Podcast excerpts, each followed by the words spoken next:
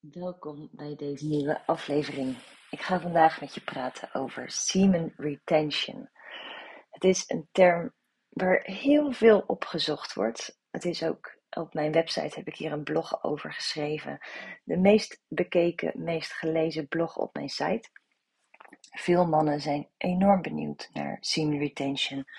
Wat het nou eigenlijk precies is, hoe het werkt en ik ga daar in de komende tijd wat meer over vertellen. En ik begin vandaag in deze podcast. Er volgen er meer, dus stay tuned. Semen retention betekent sperma-retentie. Simpelweg komt het erop neer dat je als man niet gaat klaarkomen. Het idee erachter is dat jouw seksuele en creatieve energie in je lichaam blijft. Seam retention is een tool. Het bestaat echt al hartstikke lang. Uh, en als je kijkt vanuit de spirituele uh, blik, dan behoud je de levensenergie, want jouw zaad, jouw sperma bevat levensenergie vanuit die filosofie. En je wilt niet elke keer dat je seks hebt jouw levensenergie verspillen. Wat veel mannen merken is dat ze als ze een orgasme hebben en ze komen klaar, dat ze vermoeid zijn. Dat ze zich leeg voelen. Een soort kater, maar dan van het klaarkomen. Um, en semen retention is ontstaan ook vanuit die gedachte dat je dat levenszaad en die energie, dat je dat wilt cultiveren, dat je dat in je lijf wilt laten zitten. En dat je dat op andere vlakken in je, in je leven vervolgens weer kan inzetten. Het is vanuit die spirituele gedachte te bekijken. Je kan er ook naar kijken vanuit persoonlijke ontwikkeling. Het idee hoe je er naar kijkt en waarom je het wil doen, dat maakt niet zo heel veel uit. Maar wat ik bij veel stellen zie, is dat het echt het seksleven aanzienlijk verbetert en verandert op het moment dat een man controle gaat krijgen over zijn ejaculatie en dat klaarkomen niet altijd meer een must is. Veel mannen Eigenlijk alle mannen hebben een eigen cyclus. Klaarkomen, niet klaarkomen of iets ertussenin, nooit meer klaarkomen, wat dan ook. Je kan daarin een eigen ritme op gaan bouwen. En dat eigen ritme, de enige die jou kan gaan vertellen welk ritme voor jou werkt, dat is trial and error. Daar kan jij alleen zelf in praktijk achter komen.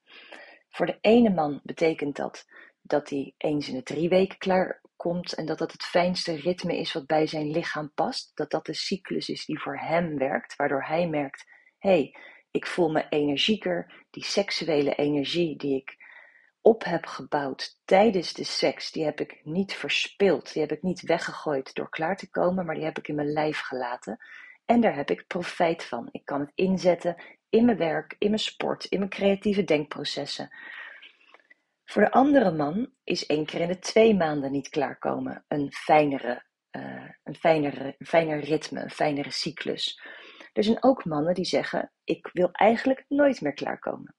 Welke weg voor jou ook werkt, ik kan je niet vertellen wat werkt. Ik kan je alleen vertellen dat dit gaan proberen en hiermee gaan spelen, dat dat de enige manier is om te ontdekken welk ritme bij jou past. Als je hiermee aan de slag wilt gaan, dan is geen seks meer hebben niet de oplossing.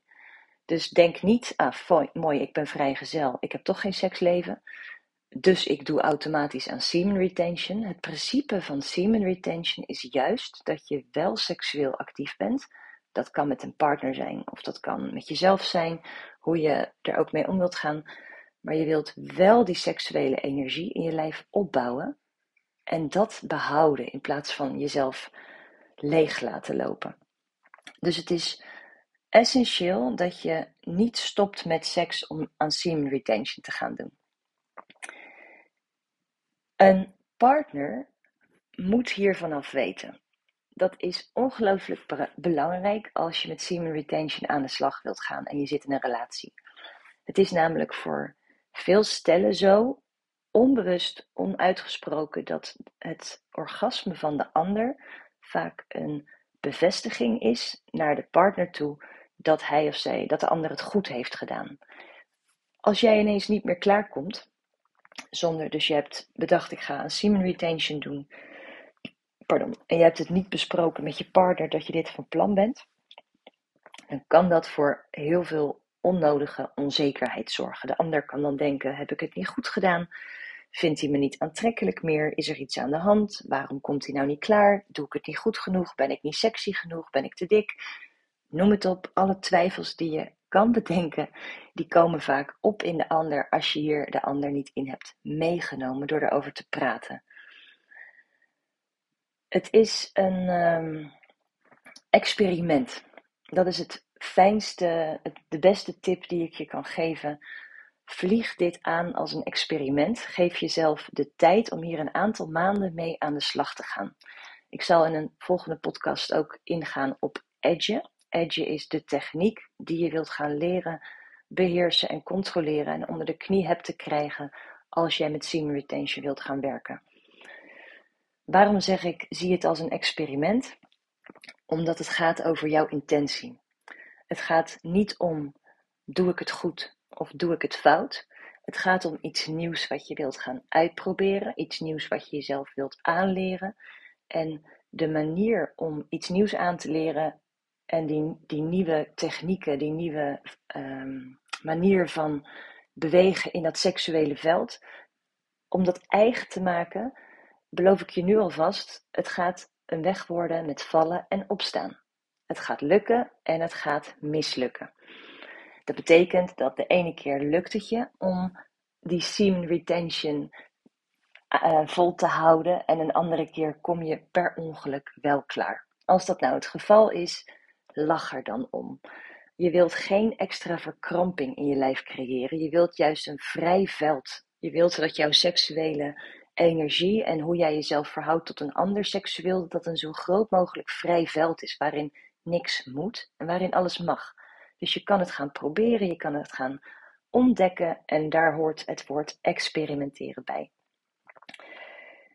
Semen retention en porno gaan niet zo heel goed samen.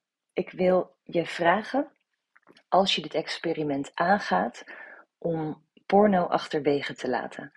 De reden dat ik dat aangeef is omdat porno niet gaat over in je lijf aanwezig zijn. Porno is in je hoofd aanwezig zijn, met externe prikkels, met beelden.